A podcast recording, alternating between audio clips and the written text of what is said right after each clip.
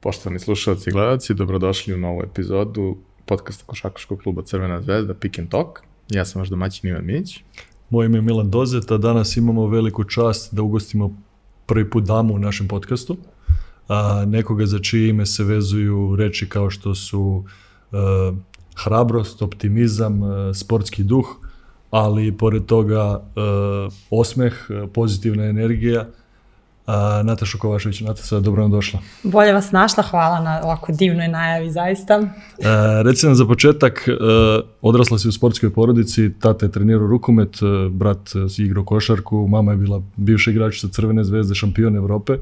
Je li to predstavljalo neki, e, neki kamen koji te vukao nazad i reci mi da li si uopšte imala bilo kakav drugi izbor nego da budeš u takvoj jednoj porodici ti sportista? Pa onako kada, kada vratim vreme na detinstvo, zaista ovaj, sport je nekako bio glavna tema u našoj kući i sećam se da dok sam odrastala, tad su bili onako aktualni čuveni Sacramento Kings i sa, sa Divcem i sa Stojakovićem i ja se sećam da smo mi ono pratili sve moguće utakmice, da je glavna tema za ručkom bila šta je ko uradio, ko je bio bolji, ko je pobeđio, tako da uh, bilo je zaista za mene jako lepo da, da odrastam u, u toj nekoj atmosferi.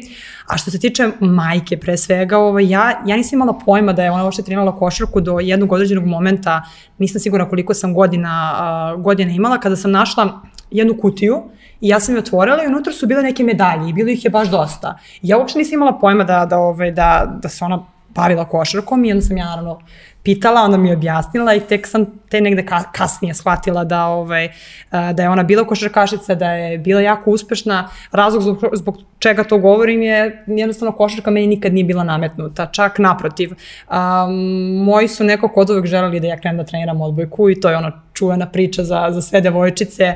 Važan se nije sport, nema kontakta, odbojkašice su lepše građane, idi ti sa, ovaj, sa, sa najboljom drugaricom. Slažemo se kolega. Pa sad. Dobro, aj ja sam kaži, trenirao odboj. Aj sad kaži ja da sam trenirao odboj. lepše građane.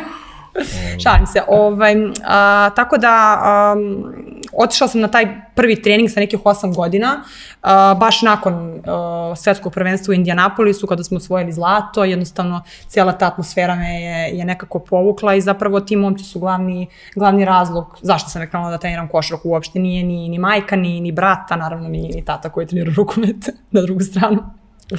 A ko od tih momaka je bio glavni motivator? Da, pa Peđa Stojaković. to je onaj čuveni odgovor. Ove, jednostavno obožavala sam način na, na koji on igra. Um, naravno, od uvek sam i kasnije sam obožavala da šutiram trojke, tako da ove, jednostavno on je bio moj idol u, u tom periodu, tako da ove, sećam se da sam ja obožavala Peđu, a brat je obožavao Gurovića i kasnije ove, smo imali priliku da, da ih upoznamo. I to je jedan susret koji ja onako mislim da ću pamtiti do kraja života, jer mislim da sam imala 10 godina. Uh, I to je bio susret u Crown Plaza, to je tad bio Intercontinental, čini mi se, i ja sam onako spremila uh, ceo svoj govor, šta ću o njemu da kažem, uh, to je trebalo da zvuči nekako, uh, ja treniram košarku i jednog dana kad ja budem igrala ženski NBA, ovaj, ja ću tebi da pošaljem dve karte, da ti dođeš sa svojim devojkom da ovaj, pogledaš tu utakmicu. I ja sam to vežbala danima. I uh, sećam se kad sam ga videla, na, na ono moment kad vidite nekog svog idola, ja sam samo krenula da plačem i više ništa nisam mogla da mu kažem. Mislim da dečko nije znao šta ga je snašlo. Tako da to su neke, neke ove lepe uspomene iz detinstva. Reci mi, rekla si, šu, šutirala si za tri pojene. Igrala si na poziciji četiri, ali kao i većina modernih četvorki nije baš da, da vole da ulaze pod koš. Pa nam reci o karakteristikama u svojoj igri. Ah, da, nisam voljela kontakt igru, obožavala sam da igram četvorku, jer nekako uvijek je lakše da ču, šutnete sa pozicije četiri nego sa pozicije tri. Ovaj, tako i opet lakše je da probijete četvorku um, To je jedna moderna, lažna četvorka. Da, to je neka lažna četvorka, ajde tako da, da ovaj, ovaj, da kažem, tako da sam koristila sve, ovaj, sve prednosti te pozicije, jer po mom ličnom mišljenju to je najbolja pozicija ovaj, za, to za igru. To se slažem, definitivno. Da, da, ima najviše mogućnosti. I lopte uglavnom kod tebe? Prenos strane ili nešto pa da, lopte kod da, tebe? i u tranziciji, ono, obično se preko četvorke prebacuje na drugu stranu, tako da ovaj, ima, ima ovaj, puno, puno mogućnosti, a, puno prilike za šut, tako da ovaj, definitivno bila pozicija. A kako je izgledalo to sve kada si krenula da, da treniraš? Ono, prosto malo ulaziš u celu tu priču, uh, ni tada nije bilo toliko često da, da devojčice izaberu košarku, kako je izgledao taj tvoj neki ono, razvojni put na samom početku i kako je izgledao rad sa, sa trenerima? Prosto da ostaneš u tako nečemu moraš da imaš i tu vrstu podrške. Jeste, ovaj, pa sećam se da sam bukvalno od mog prvog treninga na koji sam otišla, od uvek sam bila nekako sa, sa starijima, jer sa 8 godina ovaj, kao devojčica jedva da sam mogla da dobacim i na koša, kamo li da radim neke, neke ozbiljnije treninge. A, ali po pričama ovaj, koji mi roditelji ovaj, pričaju i kuma koja je dolazila ovaj, na, na treninge da, da gleda, pošto je ona a, vodila taj klub u kome sam ja počela, to je bivši Beo Petrol, ovaj, nažalost klub koji, koji danas više ne postoji, ovaj, tako da je ona dolazila na te trening i po njenim pričama ja sam onako bila potpuno fokusirana na ono što se dešava na terenu i a, znam da je govorila da obično devojčice tako male nemaju toliko ni koncentracije ni pažnje da, da jednostavno isprate ceo trening, međutim od momenta kad ja istrčim za mene je to onako bila glavna atrakcija. A, tako da je tu negde krenuo taj, taj moj razvoj, razvojni put sa nekih um, Mislim da sam imala 14 godina kada sam otišla na 13-14 godina, kada sam otišla na prve pripreme reprezentacije, a, gde sam otišla za, za dve godine starije, za, za ispod 16 godina i to je bukvalno izgledalo da sam ja otišla tamo da popunjavam rupe, gde ovaj, u toku treninga, otišla sam na, na dve nedelje, sam prvo trebala da ostanem, pa se to produžilo na mesec dana, na kraju sam je ostala cijele pripreme od, od dva meseca i otišla na, na to prvo evropsko sa samo 14 godina. Tako da ovaj, zapravo je to bio, ajde da kažem, neki moment kad sam ja onako počela polako da, da shvatam da je košarka zapravo sport kojim ja želim da, da se onako bavim iz sveg srca. Reci mi do odlaska u Zvezdu koji je bio sa koliko godina si prešla u Crvenu zvezdu? A ja sam u Zvezdi igrala u, u dva navrata, ovaj, čini mi se sa 17 i sa 19. Zapravo ja sam u Djer, ovaj, kad, sam, kad sam potpisala ovaj, za, za, za Djer, to je trebala da bude moja prva evroligaška sezona, prvi, prvi veliki ugovor zapravo, ovaj, ja sam prešla iz, iz Crvene zvezde. Da, da, ali htio sam da kažem, pre prvog odlaska u Crvenu zvezdu, ovaj, već si imala iza sebe sezonu u ABA ligi i u domaćem prvenstvu, sa velikim Jeste. iskustvom, tako mlada i u reprezentaciji i, i u takmičenju regionalnom otišla si u Crvenu zvezdu i odradila sezonu. Koliko Jeste. je značila ta cela priprema za nešto što si pružila u zvezdi i otišla dalje? A, pa, e, ABA ligu, zapravo ja sam u jednom momentu igrala i mlađe kategorije i prvu ligu i ABA ligu i čak sam igrala na dvojnu licencu prvu B. Tako da je to bila, ta, ta, to momentu mislim da sam imala 17 godina i to je bilo ne, neviđeno naporna sezona za, za mene. Jednostavno mislim da u nekom momentu nisam znala koju utakmicu i šta treba da, da, da, da, da uopšte igram. Uh, A, to je bilo za Voždovac, kad sam, kad sam igrala i zapravo sam je bila najmlađi kapiten te ovaj, jedne aba ligaške ekipe, jer ja sam sa 17 godina znači bila kapiten seniorske ovaj, uh, ekipe i jednostavno to iskustvo koje sam stekla kroz, kroz tu sezonu je bilo neverovatno za mene, ostano taj, taj broj utakmica i a, gde vi pre, prelazite s potpuno različite košarke, one dečije, kadetske, do one seniorske, to je nešto što je, što je potpuno različito i ja da kažem da sam tu onako prikupila svo neophodno i znanje i iskustvo za, za sve dalje što je usledilo. Momci obično kad pričaju o, o, o tim uh, periodima pred ulazak u seniorsku košarku upravo pričaju o tome da su igrali ili neku nižu seniorsku ligu, bili priključeni prvom timu i tu povremeno dobijali šansu, igrali juniorsku i sve ostalo i upravo to, kao na, na tri, četiri fronta, ne mogu da pohvataju šta i kako, ali kao uh, ta seniorska iskustva, obično iz tih nižih liga, su im možda neka od, od najvrednijih da ih posle njih naprave igrače kakvi su postali. Kako je tebi to izgledalo, taj, taj bukvalno prelazak iz kadetske, kadetske generacije u, u nešto što je seniorska košarka. Pa da, to, to je zaista nešto što je nekako potpuno drugačije. Jednostavno vi kad igrate za mlađe kategorije, vi ste tu glavni nosilac, lopta je uglavnom kod vas, sve se nekako vrti oko vas 40 minuta, a kad se pređe već u seniorsku košuku, apsolutno nije tako. Sada ste vi ti koji treba da se adaptirate na, na, ovaj, na, na, na celokupan taj tim u koji dolazite, ali definitivno da, da i ta prva B koju sam, koju sam ja igrala te sezone neviđeno značila za, za mene, pre svega zbog tih nekih vrućih gostovanja, ovaj, kako, kako se kaže, verujte da je čak i u ženskoj košarci to, to tako i sećam se da su to bile neviđeno naporne utakmice gde su tribine bile popunjene, gde ih imate onako ovaj, dobacivanja i svašta je bilo, tako da ovaj, a, istakla bih da, da je i to igranje u prvoj B meni puno, puno ovako značilo i igrački i na neki način i psihološki, jednostavno da se naviknem na, na ovaj, celu tu atmosferu. A da te pitam drugi deo, mladi igrači igračice u tom, u tom periodu, kao što si sama rekla, nemaju puno vremena ni za šta. E sad dolazimo do nekog problema sa, sa školovanjem dece. Kasnije ćemo da pričamo o, o tvom školovanju i sve, ali me interesuje uh, tvoje neko viđenje svega toga i rešenje sportisti zbog e, nekih povreda ili pri, p, nakon kraja karijere ostaju praktično bez škole. Danas e, naš sistem, pogotovo u Srbiji, za razliku od drugih zemalja koje su malo napredovale, a, nemaju mogućnost u isto vreme školovanja i, i treniranja mladih igrača. Zvezda je jedan od redkih koje to pravi kroz kroz svoju školu, da se ispraćene i škola i treninzi, ali šta misliš da je neko rešenje da bi se to popravilo? A, apsolutno se slažem sa, sa svim što si rekao i da, pogotovo ovaj, kod nas jako je teško uskladiti profesionalni sport i obrazovanje, što se o, mog iskustva tiče, ja sam imala eto tu neku sreću da a, su roditelji a, prepoznali važnost obrazovanja i sećam se da kad sam odrastala bilo onako tri glavna postulata, zdravlje, obrazovanje pa sport. I to je nekako uvek bilo, bilo, ovaj, uh, bilo tako i uh, bila sam milion puta i kažnjavana da ne mogu da, da kao mala odlazim na, na treninge dok ne popravim neku ocenu, tako da sam kroz to de, detinstvo ovaj, nekako naučila da, da, ovaj, da vrednujem obrazovanje, iako me, moram da priznam, u tom periodu nisam to baš ishvatala i nekako me inerviralo zašto to moji roditelji rade, ali eto sad s ove tačke gledišta apsolutno ovaj, sam zahvalna na, na, ovaj, na, na tom načinu na koji su me vaspitavali. Um, re, rešenje, pa mislim da se nekako dobrom organizacijom sve nekako može postići. Sad, u današnje vrijeme zaista ima i fakulteta i kao što si rekao iz Crvena zvezda ima odličan program da, da, ovaj, da se to obrazovanje ne zapostavi. Pokušavaju sa, spo, sa sportskim srednjim školama, ali sam siguran da ne može, sportske srednje škole ne mogu taj broj sportista da prime koliko je u stvari ima potrebe za obrazovanjem tako nekoga. Apsolutno i ovo može da bude isto neki apel da se, da se možda otvori što više tih e, takvih, takvih škola koje će se prilagoditi zapravo profesionalnim sportistima. To nije naravno nimalo lako uz dva treninga dnevno uh, učiti i postizati uh, sve te obaveze, ali je na neki način izvodljivo, bitna je samo volja i, i organizacija i naravno uslovi, tako da ovo može da bude taj neki, neki mali apel. Uh, ja znam kad se meni desila saobraćaj nesreća o kojoj, o kojoj ćemo pričati, uh, um, da sam upisala fakultet za sport, uh, Unio Nikola Tesla i uh, jednostavno to je u tom trenutku bila meni nekako konekcija sa sportom. Ja sam kasnije i vraćala sam se u, na parket i počela sam opet da treniram, ali nikako ni u jednom trenutku nisam zapostavila to obrazovanje, baš zbog toga što su i oni imali uh, takav jedan program koji se prilagođavao profesionalnim sportistima.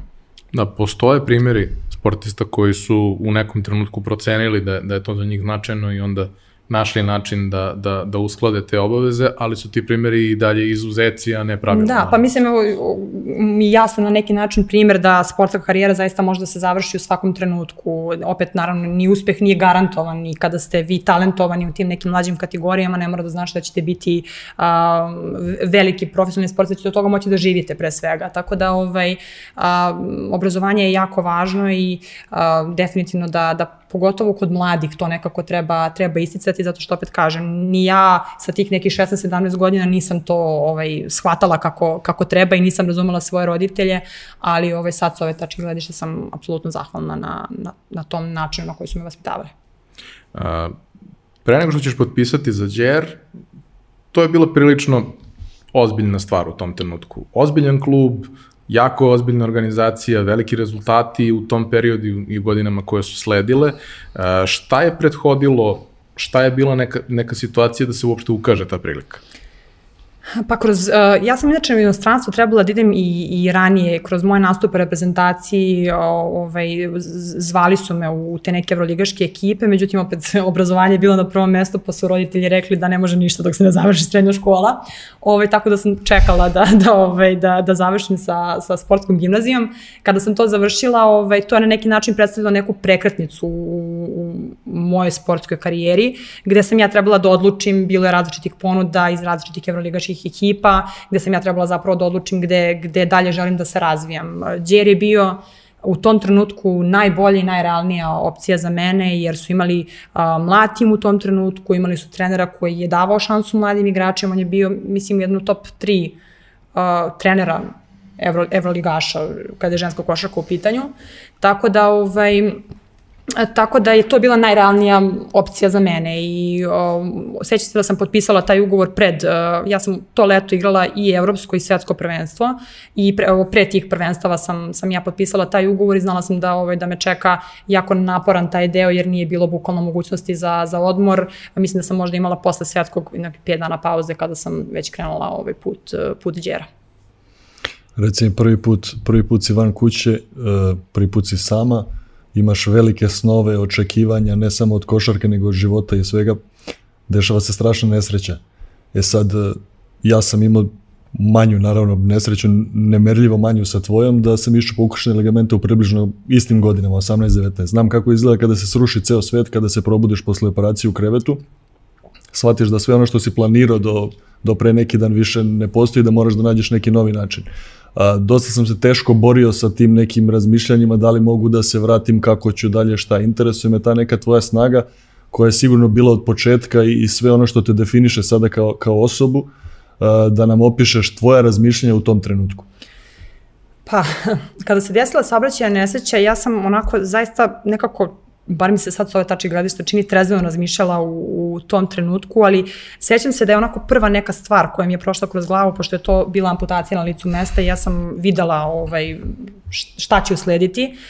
Prva misla koja mi je prošla kroz glavu je da više neću moći da se bavim košarkom i šta sada. I mama mi uhvatila panika ovaj, u tom trenutku, ali nekako sam uspela da, da se smirim i vlado je zaista ovaj, opšti haos kada se ta saobraćajna nesreća dogodila i dugo smo čekali hitnu pomoć. Mislim da je nekih dva sata smo, smo čekali, na kraju su morali da dođu helikopterom jer je to bilo, bila saobraćajna nesreća zapravo na pola puta između Đera i Šaprona. Mi smo putovali na, na, ovaj, na prijateljsku utakmicu, zapravo poslednju prijateljsku utakmicu pred početak sezone. A, prva utakmica nam je bila, trebali smo da putujemo za, za Ekaterinburg, za, za, ovaj, za, za Rusiju.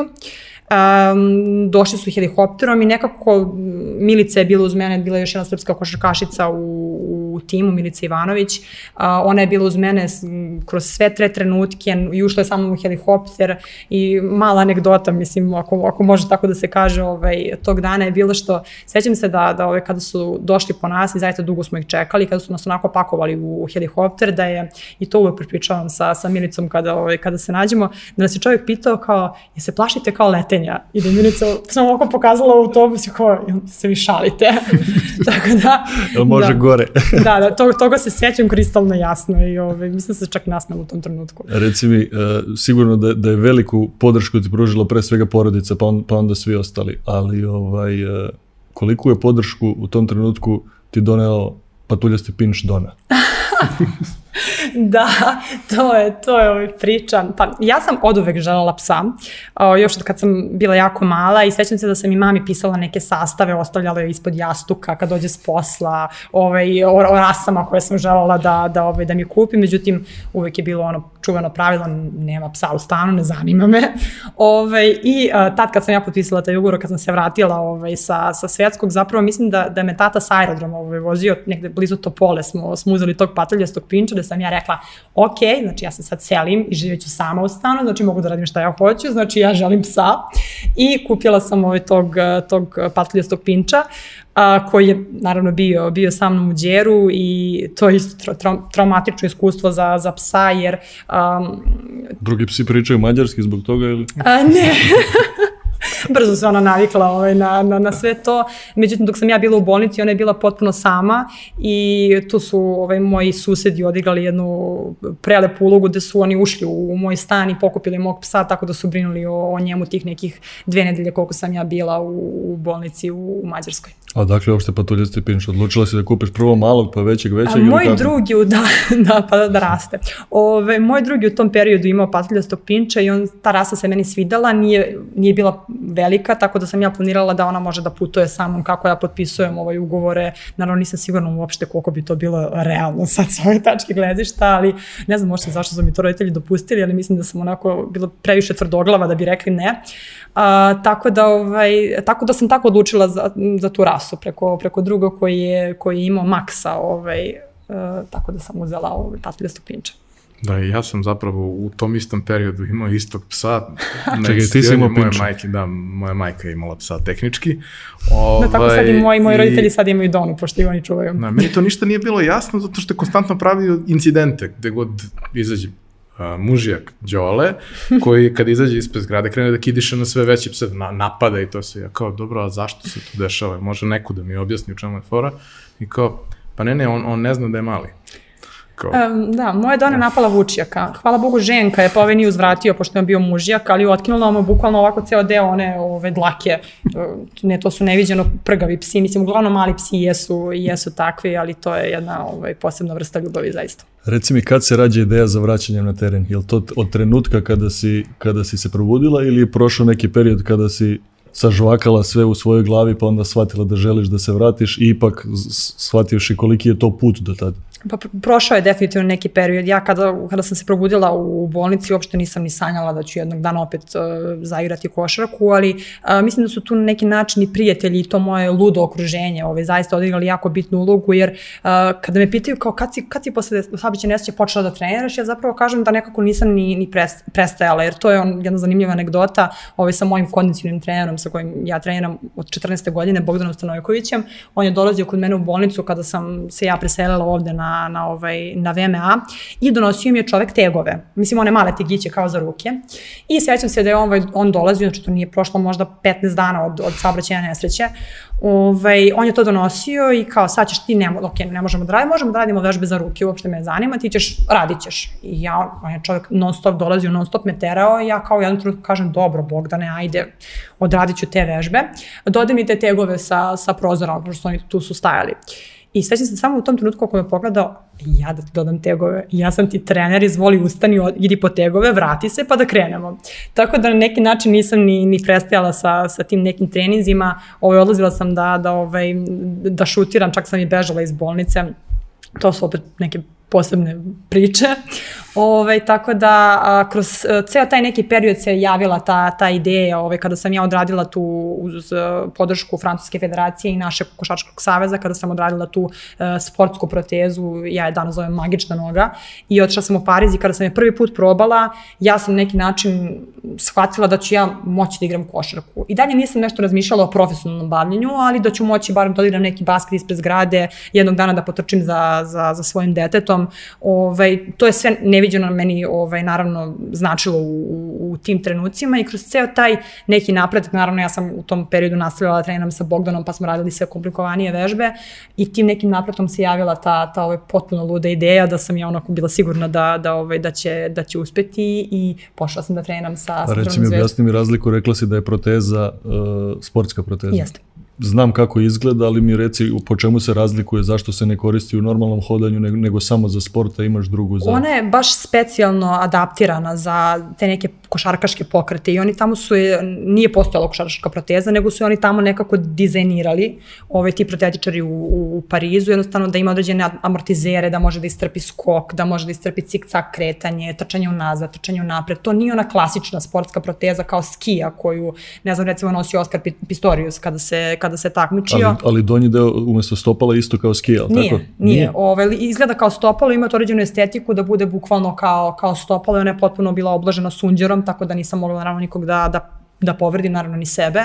Ove, tako da je bilo u potpunosti uh, bezbedna, ali ona ovako sa, na oko izgleda kao potpuno ovaj, kao, kao noga nije kao, kao ta, ta skija i u sebi je sadržala te elemente koje jednostavno prate te sve pokrete, stav, skok, trčanju nazad u napred kao, kao što sam već rekla i zaista je bila fantastična. Trebalo mi je naravno nekog vremena da, da, da se na nju naviknem, ali kako sam ono odlazila na treninge, jednostavno radila sam sve isto što, što i druge devojke i naravno s tenizima to je bilo sve, sve bolje i bolje do momenta kada sam zaigrala prvu utakmicu.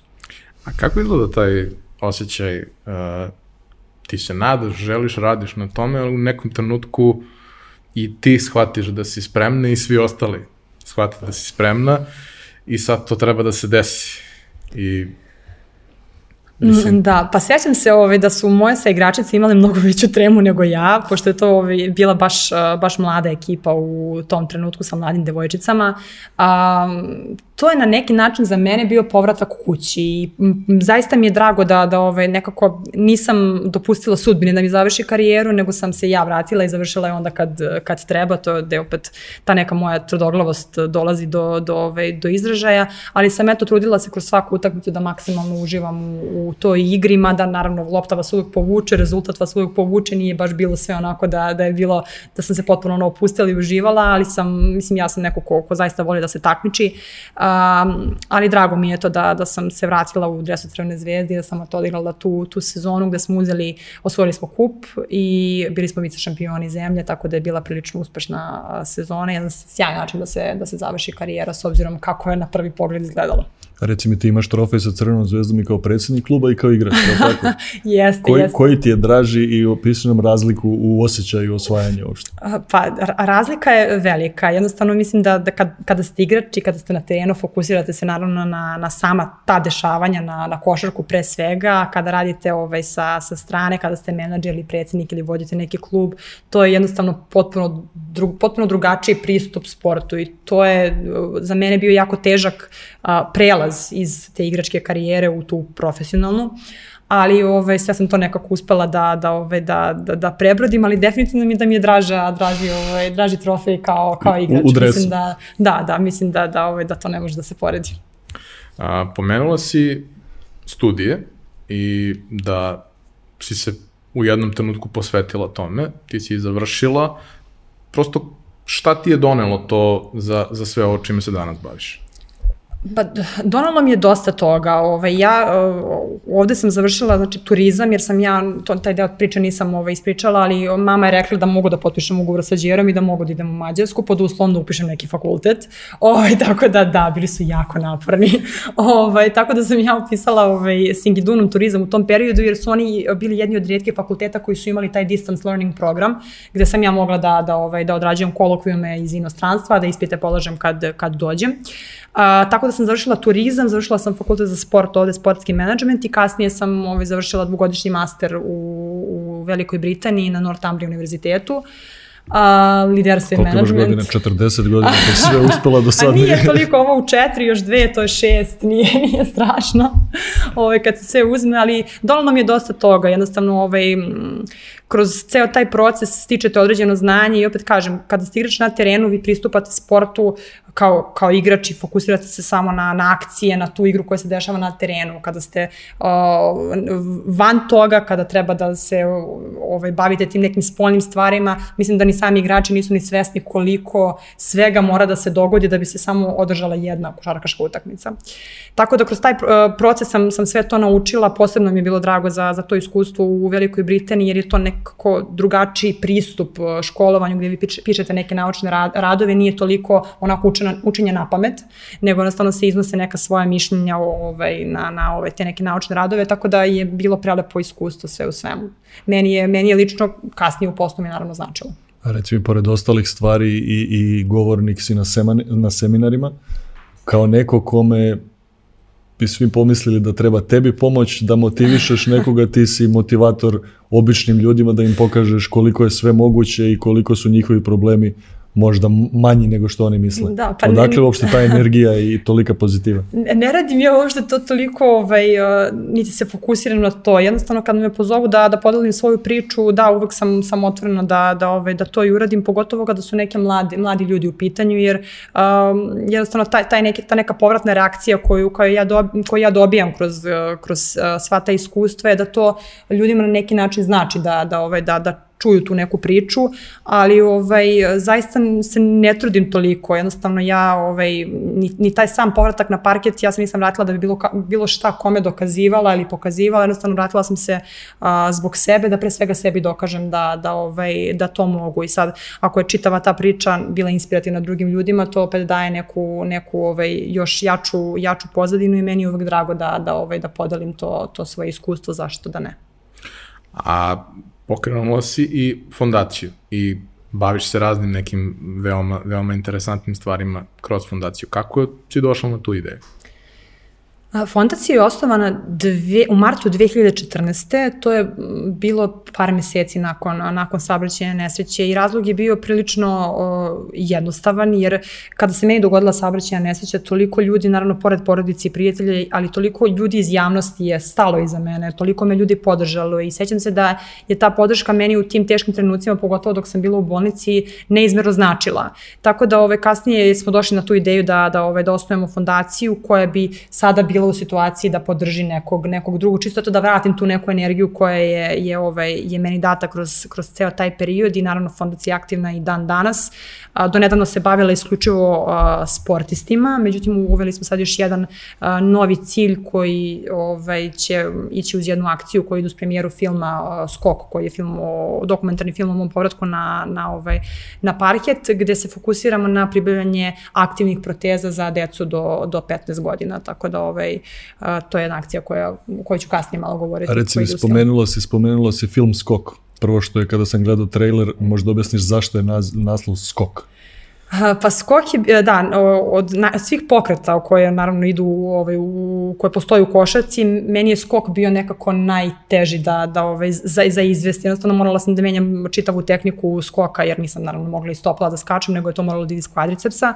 Tako da je, ovaj, tu sam radila neke posebne vežbe za, za, ovaj, za to, tako da smo došli na ideju da, da to nazovemo eto, ovaj, um, skok, jer je meni to bilo najteže da, da, ovaj, da izvedem, ali naravno uz, uz vežbu sam, sam uspela nekako da se programiram drugačije drugačije. Jel možda nam kažeš samo odakle, odakle ti nadimak EPP? Kako ste čuli za to, čoveče? Marko se spremio za... Nevrovatno, ovaj, pričat ćemo posle. Ovaj, pa EPP, pa da, ja sam inače ovaj, odrasla na, na, ovaj, na, na basketu ispred zgrade i uh, sećam se da su i brat i, i mama i tata su, su igrali taj basket i uh, to je opet jedno jako lepih uspomena koje, koje ja nosim iz detinstva, gde, ono, gde, su, gde ulične, ulične tribine su toliko popunjene da ako izgubite prvi basket u 9 ujutru, morate da čekate red do jedno 6 popodne da, ovaj, da ponovo izađete odigrate 3 na 3. A ovaj, ja sam kao mala bila zadužena da nosim pivo starijim, ovaj, starijim ovaj, igračima. Ovaj, tako Ti da sam bila trčkala, ekonom Pa tako, bila. tako nešto, da trčkala sam od prodavnice ovaj, pa i nazad. I naravno između partija ja sam tu onako pokušavala da ovaj, malo eto šutiram na, na koš dok se ovaj, stariji odmaraju i onda me brat, to je ovaj, on mi je dao taj nadimak EPP kao reklamni blok koji samo ulazi između utakmica pa onda kad mi istaraju izađu napolje. Tako da da, odatle, ovaj, odatle EPP.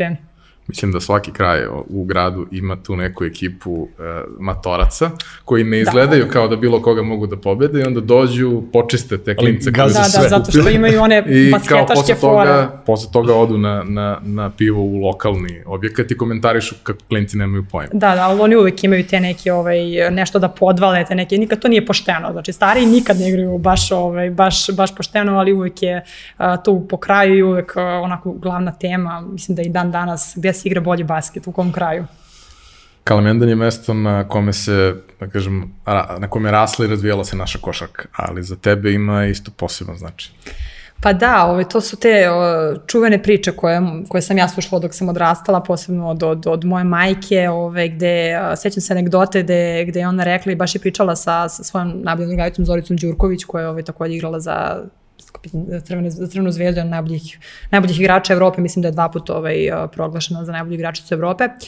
A, to su njihove priče da su oni toliko vremena provodili na, na Kalemegdanu da su znali tačno broj onih ciglica, ovaj, tačno bukvalno u ciglu su znali koliko, koliko ih ima tu, jer ne samo da su trenirali na, na tim prostorima, već su tu bile različite proslave, tako da su veliki deo svog vremena provodili baš, baš na Kalemegdanu, tako da i da danas kada odem tamo onako pokušam da vratim te neke priče koje, koje sam slušala, ali ovaj, de, definitivno da je to onako jedno mesto koje odiše istorijom do pandemije si bila čest gost na utakmicama i u areni i, i u pioniru. Jel možeš neku sezonu da izdvojiš, neku atmosferu, utakmicu koju pamtiš?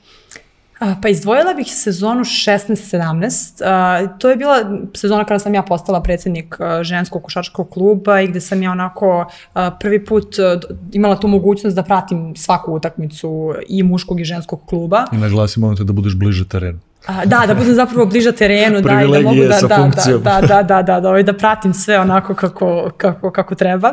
Tako da je čitava ta sezona bila ovaj, jedno prelepo iskustvo za mene, jer mi smo i, i pratili smo čak i gostovanja ovaj, košarkaša, ovaj, odlazili smo i gledali utakmice, a, tako da prelepo je jedno iskustvo za mene i definitivno da je to ona sezona koju, koju bih ja izdvojila. Mislim da tad žene su osvojile kup, i osvojili smo uh, nacionalno prvenstvo, a muškarci su uzeli i kup i nacionalnu jabu. Tako da je jedna zaista uspešna, uspešna godina i definitivno moja, moj, moj favorit. Imamo taj deo Zvezdin leksikon gde postavljamo ovaj, ljudima nekoliko sličnih tipskih pitanja, čisto da bi To je ona skupili pitanja neku koje ste mi tamo bazu. sklanjali kad sam ih jurila. Jest, baš ta pitanja. Nenajavljeno propitivanje, kao u školi. Da, sad Da. mi trema. Tako smo A, lepo pričali. pa dobro, mislim da će ti se i ovo svideti. A, prvo pitanje koje postavljamo je koja je tvoja prva asocijacija na Zvezdu? Pa ajde da kažem uh, moja majka. Jednostavno zbog svih tih nekih priča koje, koje sam slušala tokom, tokom odrastanja i pominjala sam više puta u, u toku razgovora, tako da, da, da, ovaj, da kažem uh, Natalija Bacanović. Biće jako ponosna kad čuje ovo, neću moći da živim od nje. Dobro, dalje. I, iako si rekla omiljeni igrač, molim te ponovi. A, pa Peđa Stojaković, da, to je razlog zbog koga sam se ja zaljubila u košarku, počela da je treniram, tako da ovaj, definitivno Pazi, Peđa. kad smo kod Peđe, ja sam čekao, o, hoćeš li uzeti tu vodu da, da piješ i jel možeš da mi kažeš koji je razlog da piješ sa dignutim malim prstom? Ne vredim, sve ste upućeni, da, ovaj, imala sam tu uh, profesionalnu deformaciju kada sam odrastala, ovaj, bila je čuvena ona reklama za, za, ovaj, za Sprite, ovaj, gde, gde Peđa Stojaković pije onako iz, iz flaše i diže ovako mali prst i naravno ja kao klinka sam to se, znači pila sam vodu do 15. godine sa podignutim malim prstom, katastrofa. Ali da, sad sam, sad sam normalna. Sad Dobro, sve i, okej. i mi smo kopirali neke druge stvari, možda ne, ne baš prst, ali neke druge stvari što se Peđe tiče. A, omiljene utakmice? Juj, koji sam igrala, može? I koju si igrala i koju si gledala? Kup, osvojen kup. To mi je najdrži, naj, posle, posle saobraćaja nesreće, to mi je definitivno na, najdrži, najdrži trofej. Mislim da sam najviše plakala i zaista ono iskustvo koje, koje nikad neću zaboraviti. Tako da finale kupa. Omiljena, u stvari idealna petorka, Ovako, pa ovako svih igrača, od svih, od ubaci svih, koga god pa želiš. kako ja sad to da, da, ovaj, Pa da po uradim? pozicijama, ono, školski. Biće jako teško. Ajde da kažem, uh, pe, uh, kao da ok, Peđa, sam se ćemo htjela sam, do- na doći play, htjela sam da kažem playmaker, Prvo ali ja sam zašla sa. Peđom, to je nevjerovatno. Ovaj, a, Miloš Teodosić na playu, To je bilo lagano. da, to je baš bilo lako, ali dalje će biti jako teško. A, reći ću Peđa na trojici, dvojku nemam. Da uđe neko s klupe, kako nemaš dvojku? Mogu da, igram, mogu da igram sa, sa dva šutera, da bude Gurović s jedne strane, može. ovaj, da... Bože, niko drugi neće vidjeti loptu. Dobro. A, čet- čet- A, četvorka i petica. dve, dve lopte, tri onda imaju. To, to. Joj, ne znam. Ne mogu da smislim, majke mi. Pa četvorku, moraš neku četvorku. Nemanja Bjelica, šta kažeš? Hvala na pomoći. Da, može Bjelica, da, to je isto ovaj, um, igrač koji se meni jako košarkaški dopadao zaista dok, dok sam odrastala, to je ovaj fantastičan način igre, onako all-round igrač, tako da je da I, vo, kažem... I voli isto trojku. Treba, pazi, sad Pa mu treba da. za peticu, neko Ja, baš ja, da uđe. ali ovde niko neće, niko neće biti u reketu, to, to će baš da bude problem. Nema nekog šutera sad na peticu da staviš. Treba neko baš ispod koša, pazi. Molim te da se koncentriš. Neko visok, ne znam, iz NBA možda igra s Dončićem, ne znam. E, bravo, svaka ča, Jokić, da, bravo, jo, definitivno Jokić. Pa Jokić. ne, ne, nemoguće kako sam se toga setila. Mi smo na Bobija mislili o Pa. Nema veze. Zaboravio sam, zaboravio neko sam. Jokić je moja greška. Jokića smo zaboravili, ne možemo to da... Mislim, dobro i Bobi, a ne mogu sad, moram sve da ih nabrojim. Jokića Stavit ću da Bobija na kažem. klupu, ipak je Jokić. Može, da. Ne, ne, Jokić. Jokića ne možemo da zaboravimo, zato sam godno, čim si rekao NBA, ove, to je... Da, iako ne igra sa, Don, na iako ne igra sa Dončićem, ali da, bravo Nataša.